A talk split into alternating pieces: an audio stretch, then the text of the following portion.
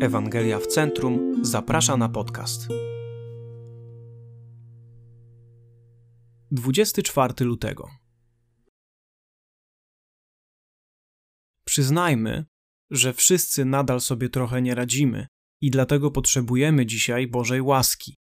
Tak jak potrzebowaliśmy jej tego dnia, gdy uwierzyliśmy po raz pierwszy. Musimy to sobie powtarzać raz po raz Każdego ranka powinniśmy spoglądać w lustro i się do tego przyznawać. A oto co powinniśmy mówić. Nie jestem absolwentem łaski. Tak bardzo kuszące jest gromadzenie argumentów potwierdzających naszą własną sprawiedliwość. To naprawdę nie była porządliwość. Jestem po prostu facetem, który docenia piękno. To naprawdę nie było plotkowanie, lecz bardzo skrupulatna osobista prośba o modlitwę. Nie byłem wściekły na dzieci. Postępowałem tylko jak Boży prorok. Tak mówi Pan. Nie walczę zaciekle o władzę. Używam tylko danych mi od Boga darów przywódczych. Nie jestem nieczułym sknerą. Staram się tylko dobrze zarządzać tym, co dał mi Bóg. Nie byłem wcale pyszny. Ktoś musiał po prostu poprowadzić tę rozmowę. To nie było wcale kłamstwo lecz inny sposób przedstawienia faktów. Wszyscy skłaniamy się ku temu, by uznawać się za bardziej sprawiedliwych niż rzeczywiście jesteśmy.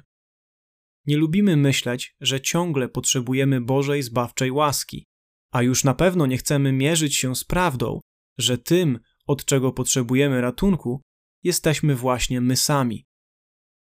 Kiedy starasz się udowodnić własną sprawiedliwość, podejmując wysiłek, by zaprzeczyć empirycznym dowodom swojego grzechu, to nie szukasz niezwykłej łaski, która jest Twoją jedyną nadzieją. Łaska jest atrakcyjna tylko dla grzeszników. Tylko ubodzy szukają bogactw Bożej dobroci.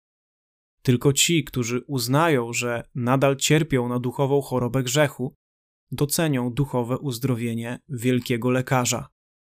To wielka tragedia, kiedy w niedzielę wychwalamy Boga za Jego łaskę, a przez resztę tygodnia zaprzeczamy, że jej potrzebujemy.